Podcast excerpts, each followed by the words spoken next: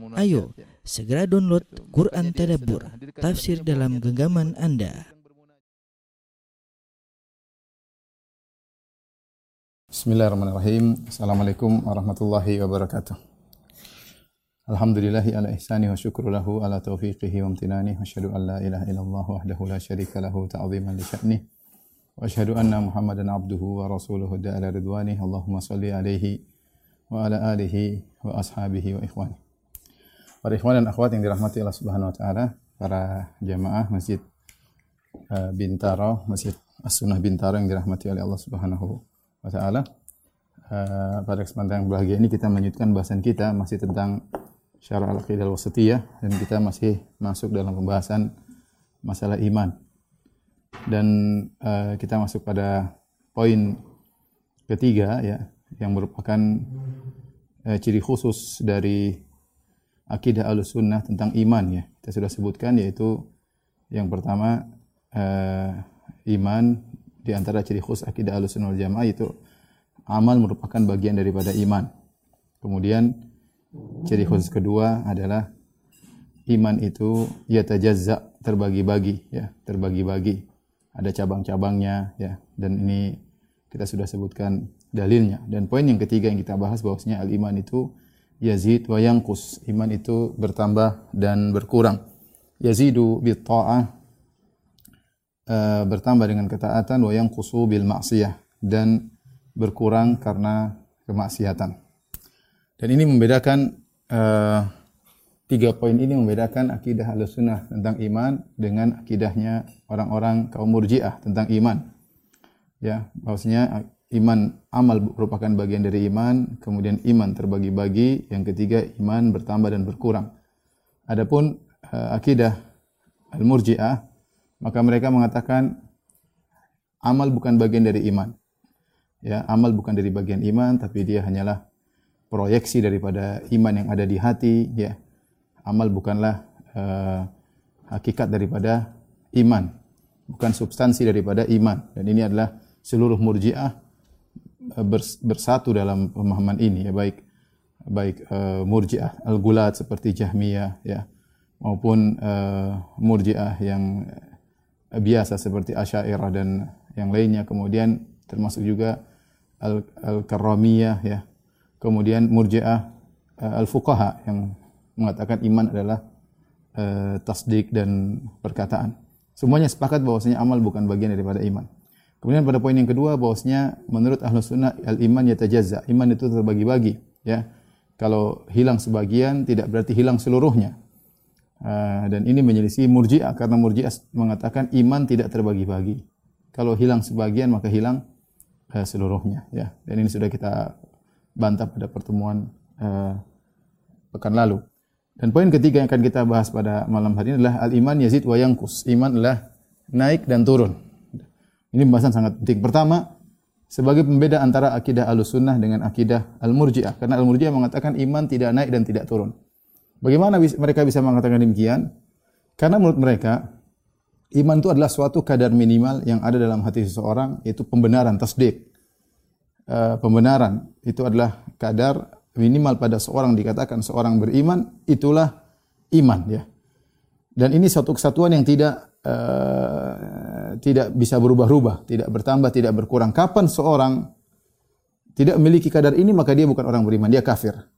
Kapan seorang memiliki kadar ini, maka dia telah beriman. Dan kadar ini sama pada semua eh, makhluk-makhluk uh, Allah yang beriman, sama semua. Makanya mereka berkata imanku seperti iman Abu Bakar. Ya. Menurut mereka uh, iman mereka sama iman Abu Bakar karena yang menjadikan Abu Bakar beriman adalah kadar ini.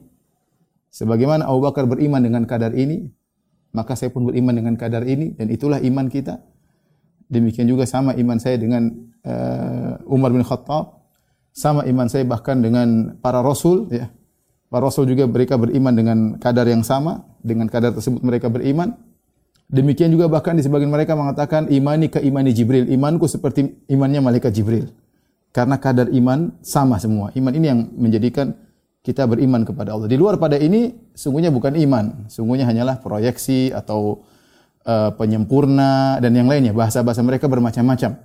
Ya. uh, di luar daripada kadar tersebut. Itulah makanya kita dapati sebagian orang Murji'ah mengatakan dan mereka ucapkan dan utarakan dalam buku-buku mereka bahwasanya imanku seperti iman Jibril atau imanku seperti imannya para rasul, imanku seperti Abu Bakar dan yang lainnya. Karena menurut mereka iman itu kadar minimal yang menjadikan seorang uh, menjadi uh, beriman.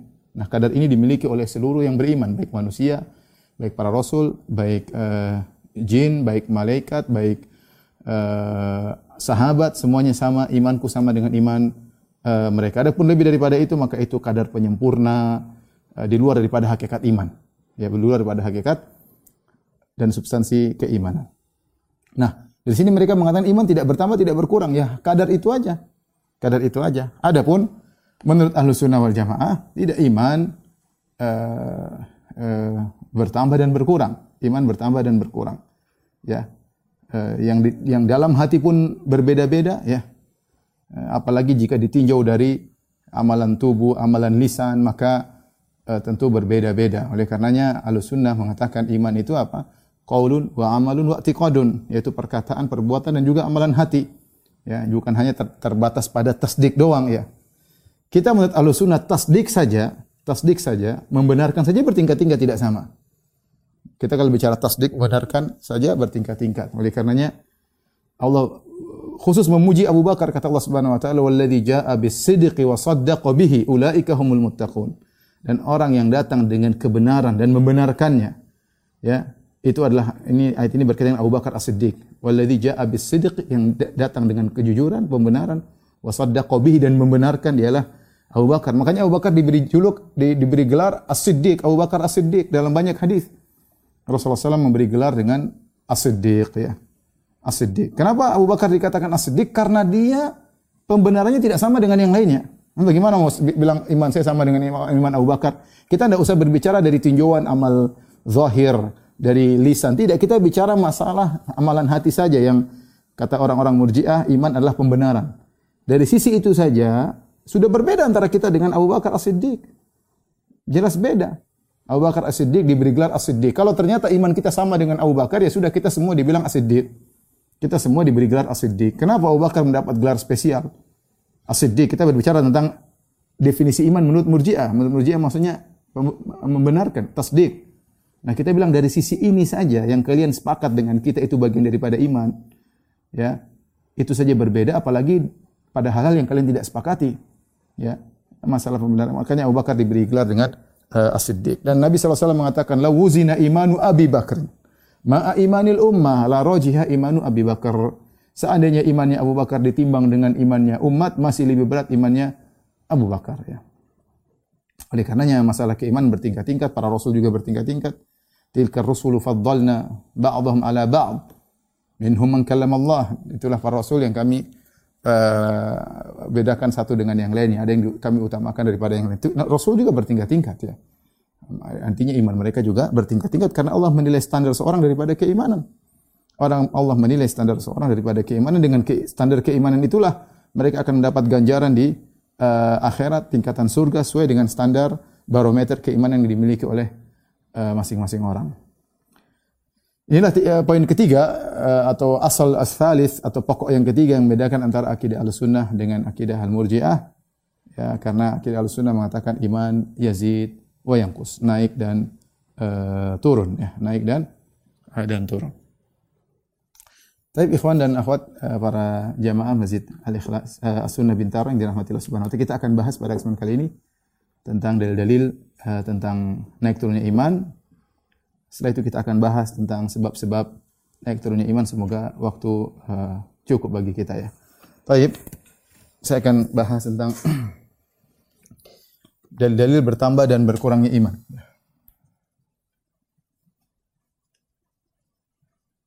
Bertambah dan berkurangnya iman. Ini buku yang paling paling bagus membahas ini Allah alam bisawab adalah bukunya Syekh Abdul Razak hafizahullah taala ya. Risalah ilmiah judulnya Ziyadatul Iman wa Nuqsanuhu. Tambahnya iman dan uh, berkurangnya iman. Beliau menjelaskan dengan panjang lebar ya. Khilaf-khilaf dan perbedaan al sunnah dengan al-bidah dan yang lainnya. Tapi di sini yang perlu kita perhatikan kaidah para ulama mengatakan ketika mereka bicara tentang bertambah dan berkurang iman kata mereka Dan ini nukil dari Imam Ahmad, dari Al-Baihaqi, dari Al-Bukhari, dari banyak ulama Ahlussunnah, mereka mengatakan semua dalil, bahkan Ibnu Hazm Al-Andalusi, semua dalil yang menunjukkan bahwa iman bertambah, menunjukkan iman juga berkurang. Karena suatu yang menerima pertambahan bisa mengurangi pengurang, bisa menerima pengurangan. Uh, kemudian juga kalau suatu bertambah, berarti ditinjau sebelum bertambah dia berkurang. Sebelum bertambah dia berkurang. Ditinjau dari pertambahannya maka dia berkurang ya. Intinya para ulama berdalil dengan semu, dengan semua dalil yang menunjukkan bertambahnya iman menunjukkan iman juga uh, berkurang. Ini secara secara global saya ulangi semua dalil yang menunjukkan iman bisa bertambah berarti menunjukkan juga iman bisa berkurang karena sesuatu yang menerima pertambahan otomatis dia juga menerima uh, pengurangan. Adapun dalil maka mungkin kita bisa bagi menjadi dua yaitu dalil Al-Qur'an maupun sunnah. Kalau kita bicara pertama dari Al-Qur'an Al-Qur'an maka kita bisa bagi menjadi dua secara nas.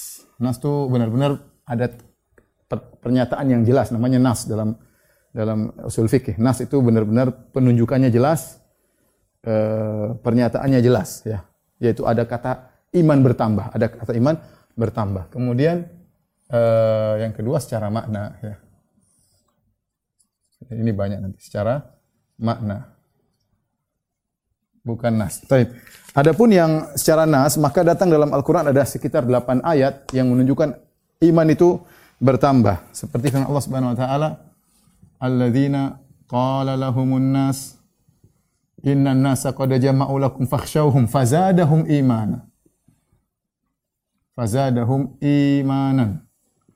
Wa qalu hasbunallahu wa ni'mal wakil. Ini ayat eh, di surat Ali Imran tentang perang uh, Ghazwah Hamratul uh, uh, apa namanya? Asad, Hamratul Asad, Hamraul, Hamraul Asad.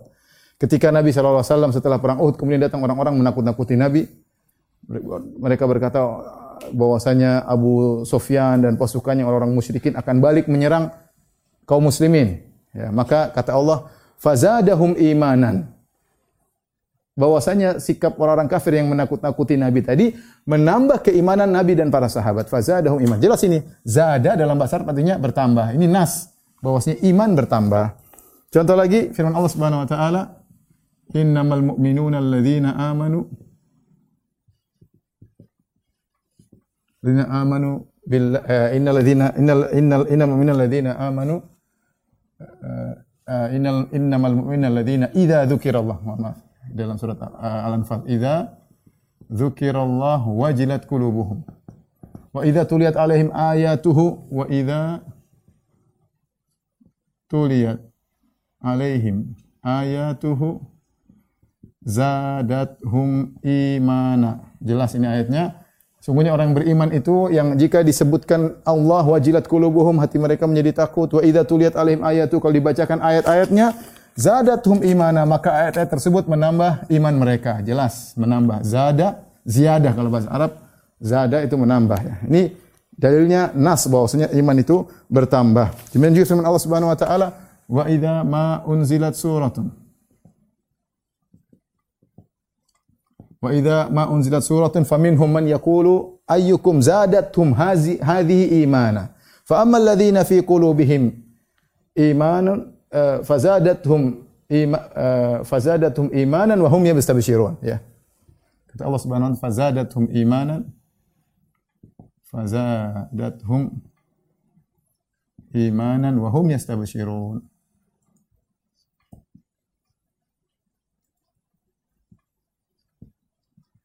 Jika diturunkan surat maka mereka di antara mereka yang berkata siapa yang menambah iman kalian dengan turunnya surat ini?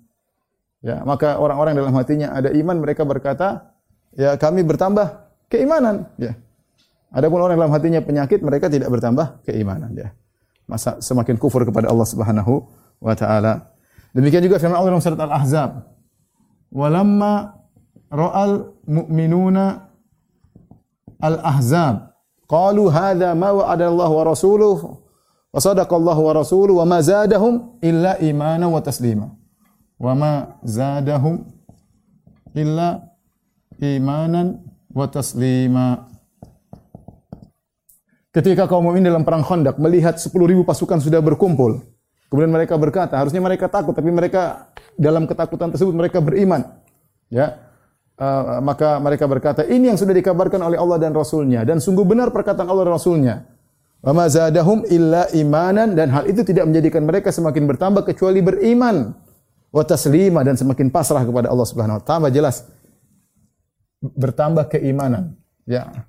Kemudian juga uh, di antaranya firman Allah Subhanahu wa taala, "Huwallazi anzala sakinata fi qulubihim." Huwallazi anzala sakinata fi qulubil mu'minin liyazdadu imanan ma'a imanihim. Liyazdadu imanan ma'a imanihim. Dialah Allah yang telah menurunkan ketenangan dalam hati orang beriman untuk menambah iman mereka agar menambah iman mereka pada iman mereka yang sebelumnya. Ya. Kemudian juga firman Allah Subhanahu wa taala uh, firman Allah Subhanahu wa taala, "Wa ma ja'alna ashabal nari illa malaika wa ma ja'alna iddatahum illa fitnatan lil ladzina kafaru liyastayqinal ladzina utul kitaba wa yazdadal ladzina amanu imana." Wa ladzina amanu mana ya. dalam surat Al-Mudathir ya. Allah menjadikan penjaga neraka 19, tujuannya apa? Jumlahnya 19 agar menambah orang-orang yang berimanan keimanan keimanan mereka bertambah. Ini semua nas jelas bahwasanya iman bertambah. Namun saya katakan tadi bahwasanya ketika alul bidah mereka sudah terjebak dengan logika mereka, dengan ilmu kalam yang mereka dapatkan, akhirnya ayat seperti ini mereka takwil sebagaimana mereka takwil dalam ayat-ayat sifat, mereka juga mentakwil ayat-ayat dalam masalah iman. Padahal jelas iman bertambah selesai. Ayatnya jelas iman bertambah, iman bertambah, iman bertambah. Mereka bilang enggak, itu maksudnya begini, maksudnya begini, maksudnya begini. Jelas. Nas bahwasanya iman bertambah. Taib. Di antara dalil-dalil Al-Qur'an yang menunjukkan secara keimanan eh, secara makna di antaranya adalah uh, Allah mengatakan tambahan petunjuk, ya. Tambahan huda hudan. Ya, petunjuk. Dan ini banyak ada tiga ayat dalam Al-Quran kata Allah Subhanahu Wa Taala, wa yazidullahu alladhina tadau huda. Ya kata Allah Subhanahu Wa Taala, yazidullahu alladhina tadau huda.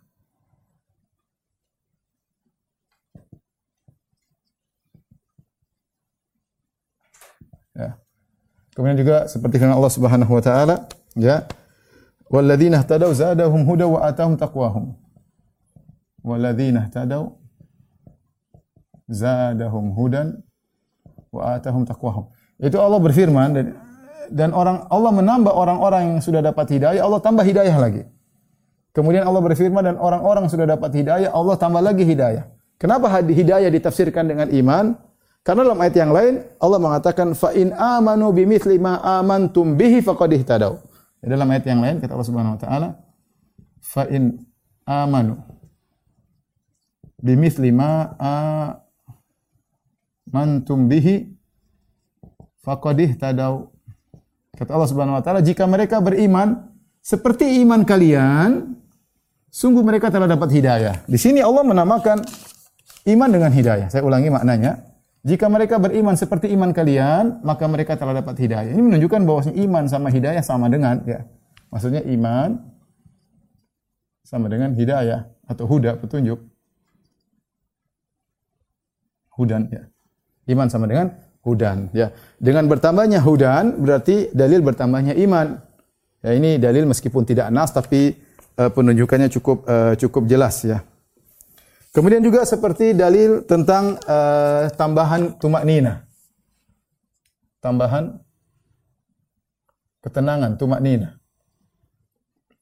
Apa dalilnya? Dalilnya kisah Ibrahim alaihissalam. Kata Allah Subhanahu wa taala, "Wa idh qala Ibrahim." Kata Allah, "Wa idh qala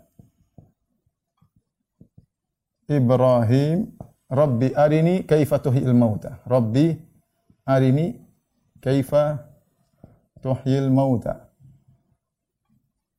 Qala Qala awalam tu'min. Awalam tu'min. Qala bala walakin liyatma'inna qalbi. Suatu hari Ibrahim berkata kepada Allah, Ya Rabbku, arini kaifa tuhyil mauta. Tunjukkanlah kepadaku bagaimana engkau uh, menciptakan atau menghidupkan yang sudah mati? Bagaimana kau menghidupkan yang sudah mati? Qala awalam tu'min, Allah bertanya, kenapa kau ingin melihat bagaimana cara uh, menghidupkan yang sudah mati? Apa kau tidak beriman? Perhatikan kata Allah, apa kau tidak beriman? Awalam tu'min, kau tidak beriman? Pertanyaan. Qala bala, saya beriman, walakin liyatma'inna qalbi agar agar aku lebih tentram lagi hatiku, maksudnya agar lebih tambah imanku, agar lebih tambah imanku. Jelas ya. Ini dalilnya cukup jelas ya. Karena Ibrahim sudah beriman. Terus dia minta apa lagi dong? Dia minta agar ada tumak nina. Dan kita tahu di antara makna iman dalam bahasa Arab artinya tumak nina. Ya, semakin orang beriman semakin tinggi dia semakin tenang. Ini dalil bahwasanya iman itu e, bertambah. Di antara dalil juga Allah memerintahkan Allah memerintahkan orang beriman untuk beriman. Coba Allah memerintahkan orang beriman untuk beriman. Seperti firman Allah Subhanahu wa taala, "Ya ayyuhalladzina amanu, ya ayyuhalladzina amanu." Aman. Aminu bi aminu bil, bil aminu bi aminu billahi wa rasulihi wal kitabil ladzi aminu billahi wa rasulihi wal kitabil ladzi nazzala ala rasulihi dan seterusnya. Kata Allah wahai orang yang beriman, berimanlah apa maksudnya orang sudah beriman disuruh beriman lagi? Perhatikan sini. Apa maksudnya Allah orang sudah beriman Allah suruh beriman lagi? Maksudnya untuk menambah keimanan. Untuk menambah keimanan. Contoh, kalau kita bicara makan, orang sudah makan, makan. Maksudnya apa? Tambah lagi makanmu. Dia sedang makan, dia lagi makan. Ayo makan, makan, makan. Maksudnya tambah makanmu ya. Itu ini ini dalil uh, cukup logis ya. Ketika orang sudah beriman Allah suruh beriman lagi, maka Ah, itu maksudnya tambah keimanan. Sama seperti ketika kita sudah dapat hidayah, kemudian kita masih baca ihdinas siratal mustaqim, tunjukkanlah aku jalan yang lurus. Kata Allah maksudnya, ya Allah kalau aku sudah dapat hidayah, bukakanlah pintu-pintu kebaikan yang aku belum ketahui. Tambah hidayah lagi maksudnya. Tambah hidayah lagi.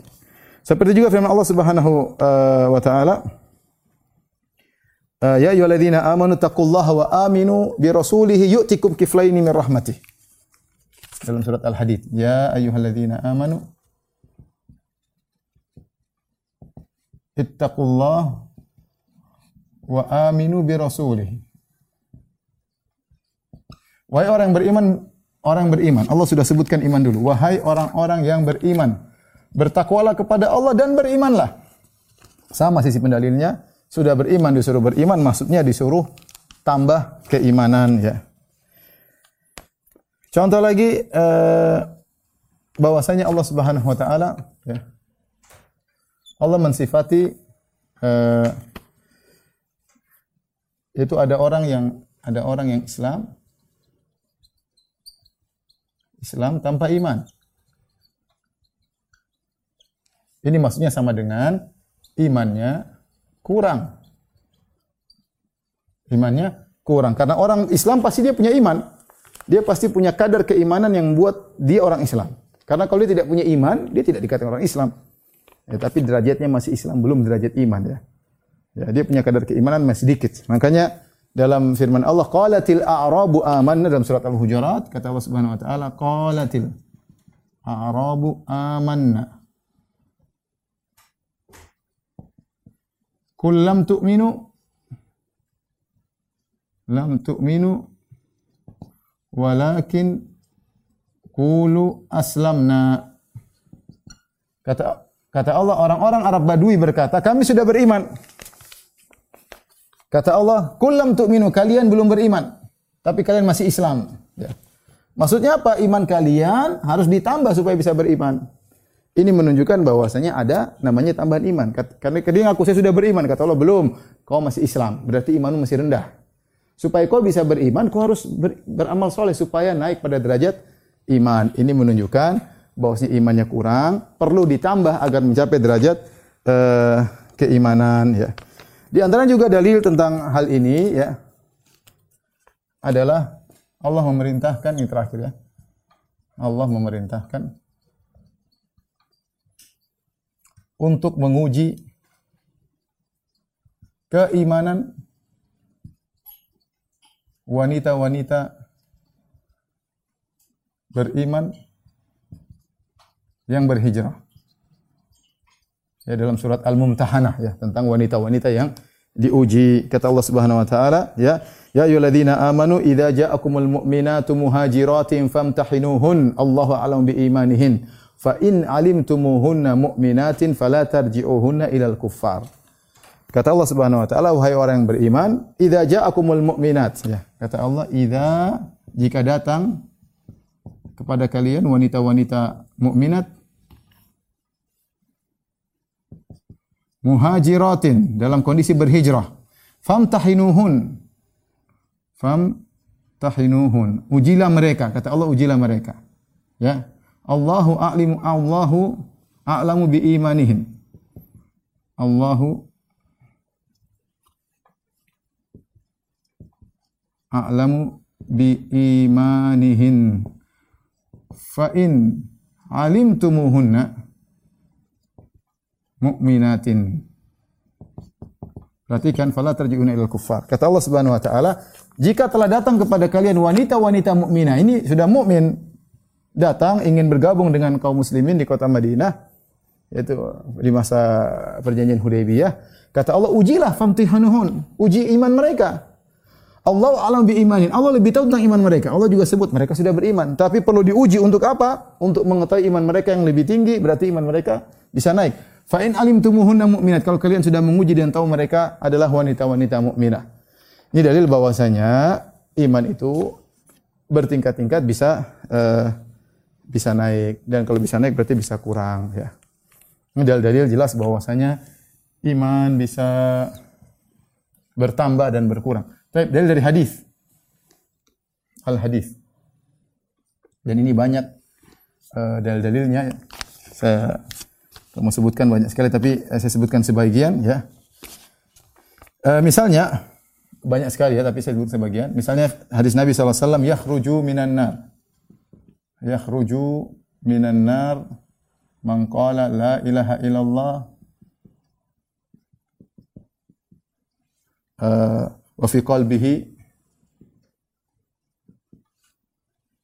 waznu sya'iratin min khair. Waznu sya'iratin min khair. Kata Allah keluar dari api neraka jahanam. Orang yang mengucapkan la ilaha illallah dan di hatinya itu ada iman ya wazna ya fi qalbi waznu yaitu iman seukuran uh, biji gandum ya. Kemudian Rasul lanjutkan wa yakhruju minan nar man qala ila Allah wa fi qalbihi waznu uh, min khair. Dalam berikutnya kata Nabi sallallahu alaihi wasallam waznu dzurrah ya atau zarrah min khair. Kemudian Nabi mengatakan lagi uh, waznu uh, burrah ya. Waznu burrah. Ini dalam satu konteks uh, Nabi mengatakan akan ada keluar dari neraka orang yang imannya seukuran satu biji gandum putih. Mungkin ada yang seukuran satu biji gandum coklat. Ada yang seukuran jagung atau seukuran semut kecil. Ini menunjukkan bahwasanya tingkat iman mereka berbeda-beda. Tingkat iman mereka berbeda-beda.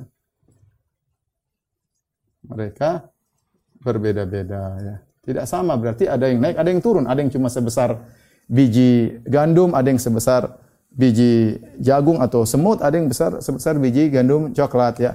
Kemudian misalnya kata Nabi akhriju dalam dalam hadis qudsi kata Allah Subhanahu wa taala akhriju minan nari ya man kana fi qalbihi uh, man kana uh, fi qalbi mithqalu mithqalu dzarratin mithqalu dzarratin min iman minal iman Perhatikan, kata Allah Subhanahu wa taala, keluarkanlah dari api neraka jahanam orang dalam hatinya. Ini orang sudah dibakar, ahli tauhid yang terbakar tapi mereka tidak musyrik. Suatu saat mereka dikeluarkan dari api neraka. Kata Allah, keluarkan dari neraka orang dalam hatinya ada seukuran zarrah ini, semut kecil. Semut kecil dari ukuran iman. Kemudian kata Nabi lagi, kata Allah lagi, akhriju minan nari man kana fi qalbihi uh, dinar ya. Kemudian mithqalu dinar. Seukuran sekeping uh, dinar. Tentu bedanya uh, berbeda. Kemudian juga habbat khordal. Khordal minal iman. Ya. Ini dalam satu konteks hadis, Nabi mengatakan keluarkanlah Allah mengatakan keluarkanlah dari api neraka orang yang imannya seperti semut kecil ukurannya. Seke, ini seperti sekeping dinar. Ada juga yang dikeluarkan imannya sekeping dinar. Ada yang juga dikeluarkan imannya seperti sebiji sawi. Sebenarnya itu semacam suatu tumbuhan dan ini juga menunjukkan tingkat iman berbeda-beda. Kalau begitu, iman itu bisa naik, bisa uh, berkurang tidak seperti perkataan Murji'ah yang bahwasanya kadar minim kadar iman itu sama antara saya dengan malaikat Jibril dengan para nabi ini tidak benar, itu pendapat tidak benar. Contohnya lagi hadis Nabi sallallahu alaihi wasallam, akmalul mu'minin. Akmalul mu'minina imanan ahsanuhum khuluqa. Kata Nabi wasallam, orang berim, orang yang mukmin yang paling sempurna imannya adalah yang paling baik akhlaknya. Orang beriman yang paling sempurna imannya adalah yang paling baik akhlaknya. Ini berarti iman bisa bertambah. Semakin baik akhlak, semakin tambah iman. Menunjukkan iman bertambah. Ya, kalau bertambah berarti uh, bisa uh, berkurang ya. Demikian juga hadis Nabi SAW. Man ro'a minkum mungkaran. Fal yugayiru biyadi. Wa ilam yastati fa bilisani. Wa ilam yastati fa biqalbihi. Fa biqalbihi. Wa dhalika adhaful iman. Jelas kata Nabi SAW. Barang siapa yang melihat kemungkaran di antara kalian, maka rubalah dengan tangannya. Kalau tidak mampu dengan lisannya, kalau tidak mampu dengan hatinya, dan itu adalah iman yang paling rendah. Berarti ada iman rendah, ada iman tinggi. Berarti menunjukkan iman bisa bertambah, eh, bisa berkurang. Contoh lagi, hadis Nabi SAW, Al-mu'min qawi khairun minal mu'min da'if.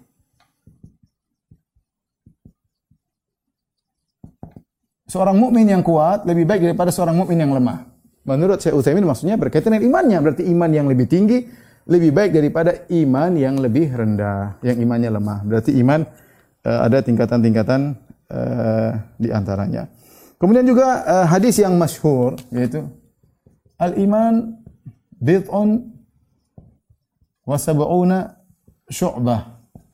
Itu iman 70 sekian sekian cabang. Ini sudah kita bahas pada pertemuan kemarin. Yang paling tinggi la ilallah, yang paling rendah menjauhkan gangguan dari jalan. Gangguan dari uh, dari jalan ya.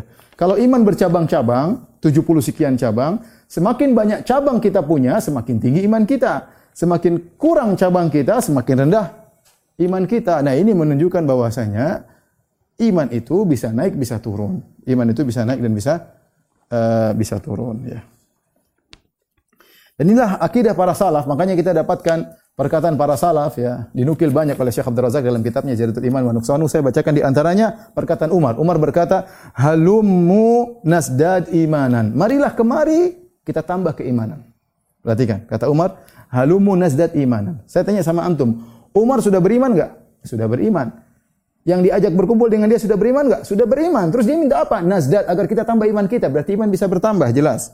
Ibnu Mas'ud juga pernah berkata, Ijlisu bina nazdat imanan. Ayo duduk bareng kami agar kita bertambah iman. Itu saling berzikir, saling ingat Allah Subhanahu wa taala. Muaz berkata, Ijlisu bina nu'minu sa'ah. Duduklah bersama kami, kita beriman sebentar. Beriman sebentar maksudnya nambah iman karena mereka sudah beriman. Kemudian juga misalnya Ibnu Rawah Abdullah bin Rawah berkata, "Ta'alu nu'minu sa'ah." Marilah kemari kita beriman sebentar. Maksudnya nambah keimanan. Ini semua yang ngomong Umar, Abdullah bin Rawaha, Ibnu Mas'ud, eh, Muaz bin Jabal, semuanya mengajak untuk nambah iman. Mereka sudah beriman, maksudnya agar iman mereka ber, bertambah. Jadi ini adalah ijma para salaf bahwasanya iman itu bisa bertambah dan uh, berkurang. Taib. Adapun sisi bertambah dan berimannya iman, ya ini jadi ikhwan kita perlu paham masalah ini. Jangan dianggap ini sekedar masalah ilmiah saja, tidak. Benar ada masalah ilmiah kita bantah uh, murji'ah, kita bantah khawarij karena berbahaya kalau tidak paham masalah ini kita mudah mengkafirkan atau sebaliknya orang kafir tidak kita kafirkan. Kita harus punya kaidah yang penting dalam membedakan ahlu sunnah dengan ahlul bidah, baik khawarij, mu'tazilah maupun dari murji'ah. Tetapi kita juga harus tahu bahwasanya kita belajar ini agar iman kita bertambah. Karena bisa demikian karena yang menjadi barometer bagi Allah, ya, tentang derajat di surga adalah keimanan. Ya. Allah mengatakan innal ladzina amanu wa amilus lahum jannat. Semuanya orang beriman dan beramal soleh bagi mereka surga. Rata-rata demikian. Orang beriman beramal soleh, beriman beramal soleh surga, surga. Dikaitkan dengan masalah iman. Dikaitkan dengan masalah iman. Maka semakin tinggi iman seorang, surganya semakin semakin tinggi. Ya. Allah barometernya apa? Barometernya iman. Maka ketika kita belajar iman bisa naik, bisa turun, kita ingin ambil faedah dan tahu bagaimana cara menambah iman kita. Dan waspada jangan sampai turun iman kita. Taib, uh, ini semua dalil sudah kita selesaikan. Sekarang kita membahas tentang uh, sisi ya. uh, saya lupa lagi di antara dalil yang yang nas nas bahwasanya iman berkurang para ulama menyebutkan tentang hadis naqisatu aklin wadin. Naqisatu aklin wadin tentang wanita kata Nabi SAW maro aitu min naqisati aqlin wa dinin adhaba bi bir rajuli min rajul hazim min ihdakunna. Kata Nabi aku tidak pernah melihat ada makhluk itu wanita maksudnya akalnya kurang agamanya kurang tapi paling bisa menundukkan lelaki yang tegar yang kokoh dan itu benar laki-laki kokoh kuat pintar tapi tunduk sama seorang wanita padahal wanita tersebut akalnya kurang dan agamanya kurang nah ketika disebut agamanya kurang kenapa ya Rasulullah mereka bertanya Kenapa wanita akalnya kurang? Karena mereka ketika haid, ketika haid tidak sholat. Ketika haid tidak tidak sholat. Apakah mereka dosa? Tidak, mereka tidak berdosa. Tetapi mereka dianggap kurang, dianggap kurang nakisot din agama mereka kurang ditinjau dengan orang yang sholat. Ya. Karena berkurangnya berkurangnya uh, iman itu bisa jadi karena bermaksiat atau ditinjau dari orang yang imannya bertambah sehingga dia kurang dibandingkan dengan orang-orang yang ketika haid selama tujuh hari beribadah, sholat, sementara dia tidak sholat, ya, dia tidak tidak sholat dan tidak puasa. Sementara yang lainnya puasa dan sholat sehingga dibandingkan dengan mereka iman dia ketika itu uh, kurang. Tapi kita ingin bahas tentang sisi-sisi ya bertambah dan berkurangnya iman. Ini penting harus kita perhatikan sisi-sisi bertambah dan berkurangnya iman. Uh, banyak sisi, tapi saya nukilkan sebagian saja dari buku Syekh Abdul Razak. Ini Syekh Abdul Razak ambil dari Syekhul Islam Ibnu Taimiyah rahimahullah taala. Di antaranya uh, dari sisi uh, global dan rincinya uh, perintah yang datang. datang kepada hamba. Maksudnya bagaimana ikhwan? Islam kita tahu syariat datang perlahan-lahan. Syariat datang per perlahan-lahan. Orang yang beriman di awal Islam tidak sama dengan orang yang terus berjalan imannya sampai penghujung Islam, sampai Rasulullah SAW menjelang wafat. Ketika Rasulullah menjelang wafat, turun firman Allah, Al-yawma akmaltu lakum dinakum. Maka pada hari ini aku telah menyempurnakan bagi kalian agama kalian. Islam sudah sempurna. Ketika Islam sudah sempurna dan dia jalankan seluruhnya, iman dia semakin banyak karena banyak yang dia kerjakan. Amal soleh ada perintah-perintah tambahan, ada puasa, ada zakat, ada macam-macam. Ketika orang di awal Islam tidak ada. Syariat solat saja lima waktu baru turun sekitar 10 tahun ketika Nabi berdakwah masih di Mekah. Dari 10 tahun kenabian Nabi berdakwah di Mekah 13 tahun. Ketika 10 tahun setelah berdakwah baru turun perintah solat lima waktu. Tiga tahun kemudian baru Nabi ber, hijrah. Nah, orang-orang yang hidup di fase Mekah tidak mendapati perintah-perintah yang terperinci seperti yang orang-orang hidup di fase kota Madinah. Ditinjau dari itu, ditinjau dari banyaknya perintah yang mereka bisa kerjakan, maka orang yang mendapatkan perintah yang banyak seharusnya imannya lebih banyak kalau dia mengerjakan seluruhnya. Ya. E, artinya dia bisa banyak mengerjakan keimanan karena banyak perintah yang bisa dia kerjakan. Dari sisi situ uh, apa namanya iman bisa naik dan bisa turun. Tetapi bahas ini tidak begitu penting ya. Saya ulangi ini tidak begitu penting karena sekarang kita sama-sama semua sudah mencapai marhalah terakhir yaitu agama sudah sempurna dan ini kembali kepada syariat, kembali kepada perintah yang turun bertahap. Yang kita ingin bahas yang selanjutnya yaitu iman naik dan turun dari sisi kita, bukan dari sisi syariat. Kalau tadi dari syariat yang Tadinya agama sedikit, sedikit bertambah, bertambah, bertambah sampai sempurna. Nah, maka berbeda antara orang di Mekah dengan orang di Madinah. Yang berikut yang kita mau bahas sekarang ini ditinjau dari kita bagaimana mensikapi perintah-perintah tersebut. Ya. Yang kedua, ya eh, sikap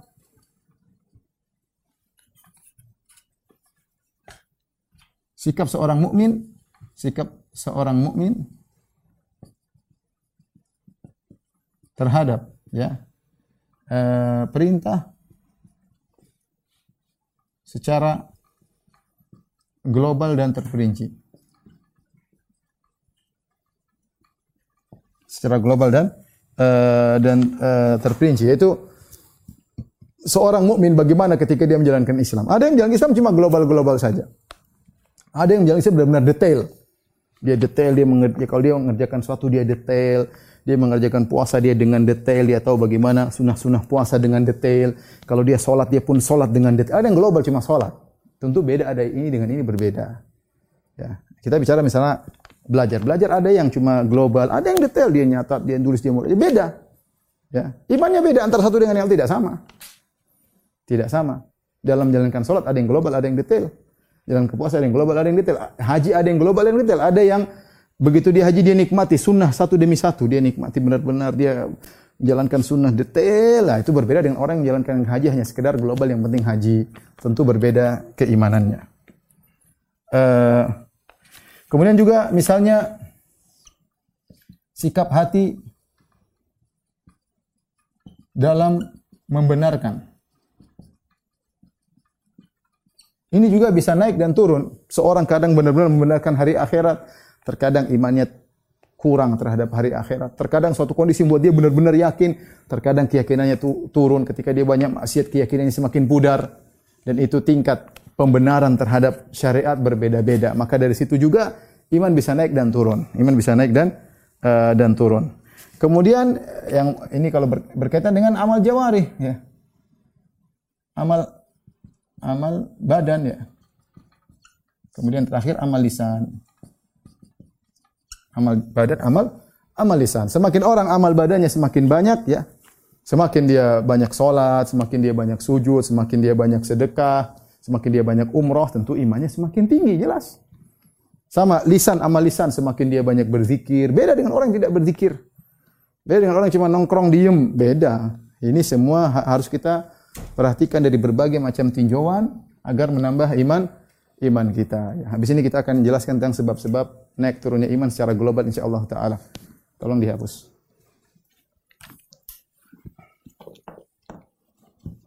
Baik, insyaallah habis ini setelah uh, kita akan bahas secara global hal-hal poin-poin yang mungkin harus kita perhatikan dalam kehidupan ini agar iman kita bertambah. Saya ingatkan kepada ikhwan dan akhwat yang dirahmati Allah Subhanahu wa taala. Ini saya ingatkan diri saya pribadi. Umur kita terbatas ikhwan, umur kita terbatas ya. Kemampuan kita terbatas ya. Sementara keinginan hati ingin melihat ini, ingin melihat itu, ingin tahu ini, ingin tahu ini tidak tidak terbatas ya. Maka umur kita kita manfaatkan. Kita sekarang sama-sama sedang berusaha uh, menguatkan iman kita. Karena yang menjadi standarisasi bagi Allah seorang masuk surga adalah dengan keimanannya. Ya, udkhulul jannata bima kuntum ta'malun. Masuklah kalian surga dengan amal kalian, amalan hati, amalan lisan, amalan jawarih, ya. Itu semuanya adalah iman. Ya, itulah standarisasi Allah dalam menentukan derajat seorang di uh, surga ya. Uh, sebelum saya menyampaikan secara global tentang sebab-sebab naik turunnya iman, saya ingin menyampaikan perkataan Abu Darda. Abu Darda radhiyallahu taala anhu beliau berkata, "Min fiqhil abdi," sahabat mulia berkata, "Min fiqhil abdi an ya'lama amuzdadun huwa amuntaqis." Di antara fikih seseorang, yaitu cerdasnya seseorang, dia tahu imannya sedang naik atau imannya sedang turun. Ini kita semua bisa rasakan ya. Iman kita sedang naik atau sedang sedang turun. Wa inna min fiqhil abdi dan di antara fikih atau cerdasnya seorang hamba an ya'lam nazagati syaitan anna ta'tiyahu anna ta'tihi. Di antara fikih seorang dia harus tahu mana godaan-godaan syaitan yang menggodanya, dari mana datang. Dia harus ngerti. Ya, karena setan itu menggoda dengan nazagat dengan apa namanya? Dia ketuk-ketuk dengan sedikit-sedikit sentuhan-sentuhan, ya. Uh, seperti firman Allah Subhanahu wa taala uh, uh, innal ladzina taqaw idza massahum ta'ifun minasyaitani tadhakkaru. Sungguhnya orang bertakwa jika dia merasakan ada sentuhan syaitan, ta'ifun maksudnya ada, sebagian ahli tafsir mengatakan syaitan itu mengintai, dia mengintai nunggu-nunggu kapan kita lalai. Tetapi seorang beriman terkadang dia merasakan saya kayaknya mudah lewat sini hati-hati ini ini godaan bakal lewat bakal bakal lewat sini. Saya bakalan melihat sesuatu yang haram misalnya. Saya bahkan kalau saya buka-buka ini saya akan melihat sesuatu misalnya. Kalau saya ke sana saya akan mendengar sesuatu. Maka dia waspada. Karena setan menanti-nanti kapan dia eh, lengah maka dia pun menggoda ya. Oleh karenanya di antara fikih seorang hamba dan seorang hamba dia tahu imannya sedang naik atau sedang turun. Kalau sedang turun segera diperbaiki. Kemudian juga seorang hamba harus ngerti ya eh, dari mana bisikan-bisikan setan menggodanya. Dia harus ngerti jangan sampai dia terjatuh kedua kali. Kalau dia lemah di sini jangan dia ulangi lagi ya. Kita tidak tahu iman kita bisa bertahan sampai kapan dan kita tidak tahu maksud saya eh, kapan kita meninggal dunia maka jaga iman kita kalau kurang segera per perbaiki. Tapi uh, kita akan singgung sebab-sebab naik turun iman, naik turun iman. Iman.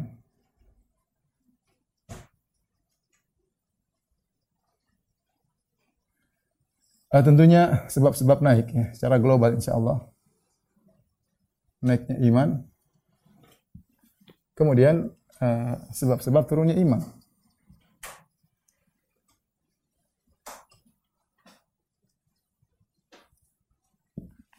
Kaedah mengatakan, kaedah ya,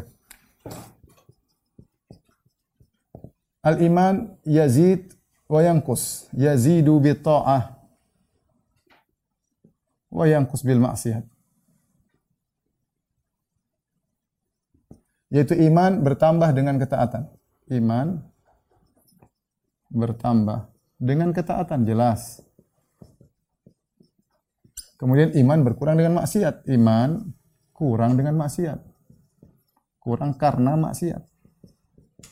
Ini secara umum demikian. Pokoknya semua ketaatan menambah keimanan, semua maksiat mengurangi keimanan. Itu sudah jelas. Jadi ini akidah Ahlus Sunnah wal Jamaah. Cuma yang akhirnya kita sampaikan ini sekedar sekedar memotivasi uh, mungkin kiat-kiat bagaimana kita bisa menambah apa?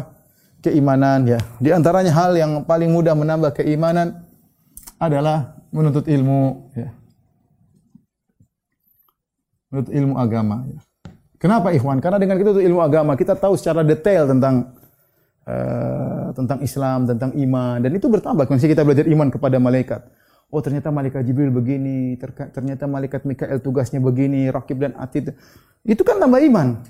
Beda dengan orang yang tidak, oh, beda orang yang cuma tahu global doang. Oh ada malaikat, nama-namanya dia nggak tahu, tugasnya apa dia nggak tahu. Beda, Allah tidak samakan. Maka dengan nuntut ilmu kita akan bertambah uh, keimanan. Di antaranya uh, sebab naiknya iman baca Al-Qur'an.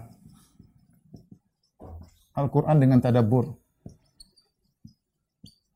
Apalagi dengan tafsir. Ikhwan perkaranya sepertinya sepele, tapi kalau kita mempelajari tafsir Al-Qur'an itu benar-benar membuat hati kita eh, terasa kita ngerasa iman kita bertambah. Ya karena ini Al-Qur'an, ini surat dari Allah. Buat siapa? Buat kita buat kita yang Allah kirim lewat nabinya Muhammad sallallahu alaihi wasallam lewat Jibril kepada nabi untuk kita. Maka sejauh mana perhatian kita kepada kitab tersebut, maka iman kita semakin bertambah. Bukan sekedar cuma baca saja. Kita baca, oh maknanya begini, baca tafsir, kita ikuti kajian tafsir. Memang mungkin kurang menarik kajian tafsir, tapi itu yang nambah iman sebenarnya. Ya, masing-masing orang beda-beda. Tapi maksud saya, uh, di antara kitab yang tidak diragukan akan menambah keimanan adalah kitab Al-Quran. Tapi sejauh mana kita tertarik baca tafsir Al-Quran? Ya. Jadi baca Al-Quran itu dengan tadabbur, sebagaimana berkata Ibnu Qayyim, baca Al-Quran, ya, e, baca satu ayat saja, bitadabburin wa ta'akkulin, kita baca satu ayat dengan tadabbur, dengan memahami maknanya, khairun min khutmah, lebih baik daripada khatam Quran, tidak tidak tadabbur. Lebih baik daripada khatam Quran tidak tadabbur. Kenapa? Karena baca Quran itu hanyalah wasilah. Wasilah agar apa? Agar kita paham. Liyadabbaru ayatihi. Al-Quran diturunkan bukan cuma untuk dibaca baca membaca itu adalah sarana untuk mentadaburi. Kapan kita lupa dengan tujuan hanya memperhatikan fokus kepada sarana berarti kita salah. Makanya apa perkataan Fudail bin Iyad ya. Inna ma unzilal Qur'an liyu'mala bih fattakhadha nasu qira'atahu amalan. Sungguhnya Al-Quran diturunkan untuk diamalkan, maka orang hanya mencukupkan baca dianggap itu sudah beramal. Enggak. Kita ada baca, kemudian kita mentadaburi, kemudian kita mengamalkan. Kemudian di antaranya yang menambah uh, iman adalah mempelajari nama-nama Allah. Mempelajari nama-nama dan sifat-sifat Allah. Ini kita ada kajian-kajian tentang ini belajar. Ya, jangan kita hanya cuma belajar sirah atau kajian ketawa ketiwi. Enggak, ini ini yang nambah iman ini. Apa makna Ar-Razzaq, apa makna Al-Ghafur, apa maknanya Al-Halim. Ini kita sedang bermuamalah dengan Tuhan. Kita harus kenal Tuhan kita ini siapa. Kita harus kenal Tuhan kita siapa? Bagaimana sifat-sifatnya? Dengan mempelajari nama-nama sifat Allah ini mempermudah menambah iman uh, seseorang. Di antaranya misalnya uh, mempelajari sirah Nabi dan sahabat dan para salaf. Sahabat dan salaf. Ini juga penting ya. Karena dengan mempelajari sirah Nabi, sirah sahabat, sirah salaf, kita seakan-akan dibawa kepada akhirat subhanallah. Kita lagi sibuk kerja, sibuk sibuk transaksi atau kita ikut ngaji tentang sirah Nabi seakan-akan kita di dunia lain. Bagaimana dunia keimanan, perangan, ketakwaan, kesabaran luar biasa ya. Sehingga tahu kita ini sangat jauh daripada sangat jauh dari mereka ya. Kita terlalu sibuk dengan dunia, terlalu sibuk banyak WhatsApp, terlalu sibuk banyak uh, medsos ya. Sementara mereka luar biasa bagaimana uh, mereka benar-benar memperhatikan waktu mereka dan yang lain. Sehingga dengan baca seperti kita akan uh, termotivasi. Di antaranya mempelajari uh, indahnya Islam. Ini penting ini, indahnya Islam.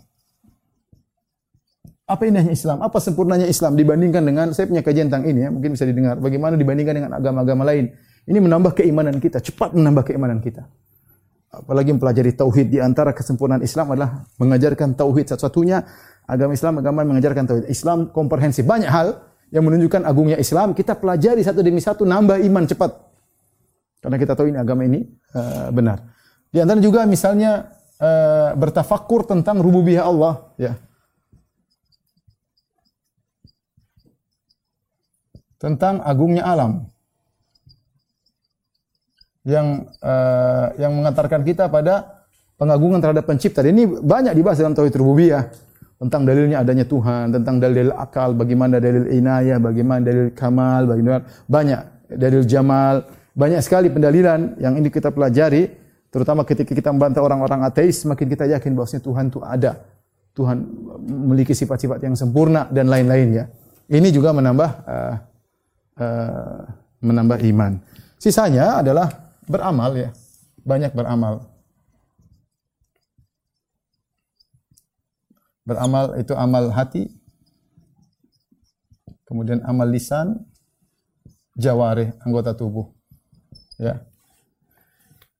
Di zaman ini ikhwan perhatikan lisan hati harus kita jaga. Kapan kita merasa hati kita dirusak, waspada. Hati kita ini mudah rusak. Hati kita ini rentan, rentan dengan apa yang kita lihat, rentan apa yang kita dengar. Kita ngerasain loh. Contoh saya saya, saya aja sama kawan-kawan. Kita duduk ngobrol sama teman-teman, ngobrol nih satu jam ngobrol ketawa ketiwi. Coba kita cek hati kita setelah kita ngobrol sama mereka. Apakah bertambah iman atau hati kita terasa keras? Kita ngerasa kok. Ngerasa. Kita punya feeling, kita punya perasa, kita punya indikator dalam hati kita iman kita naik, iman kita turun.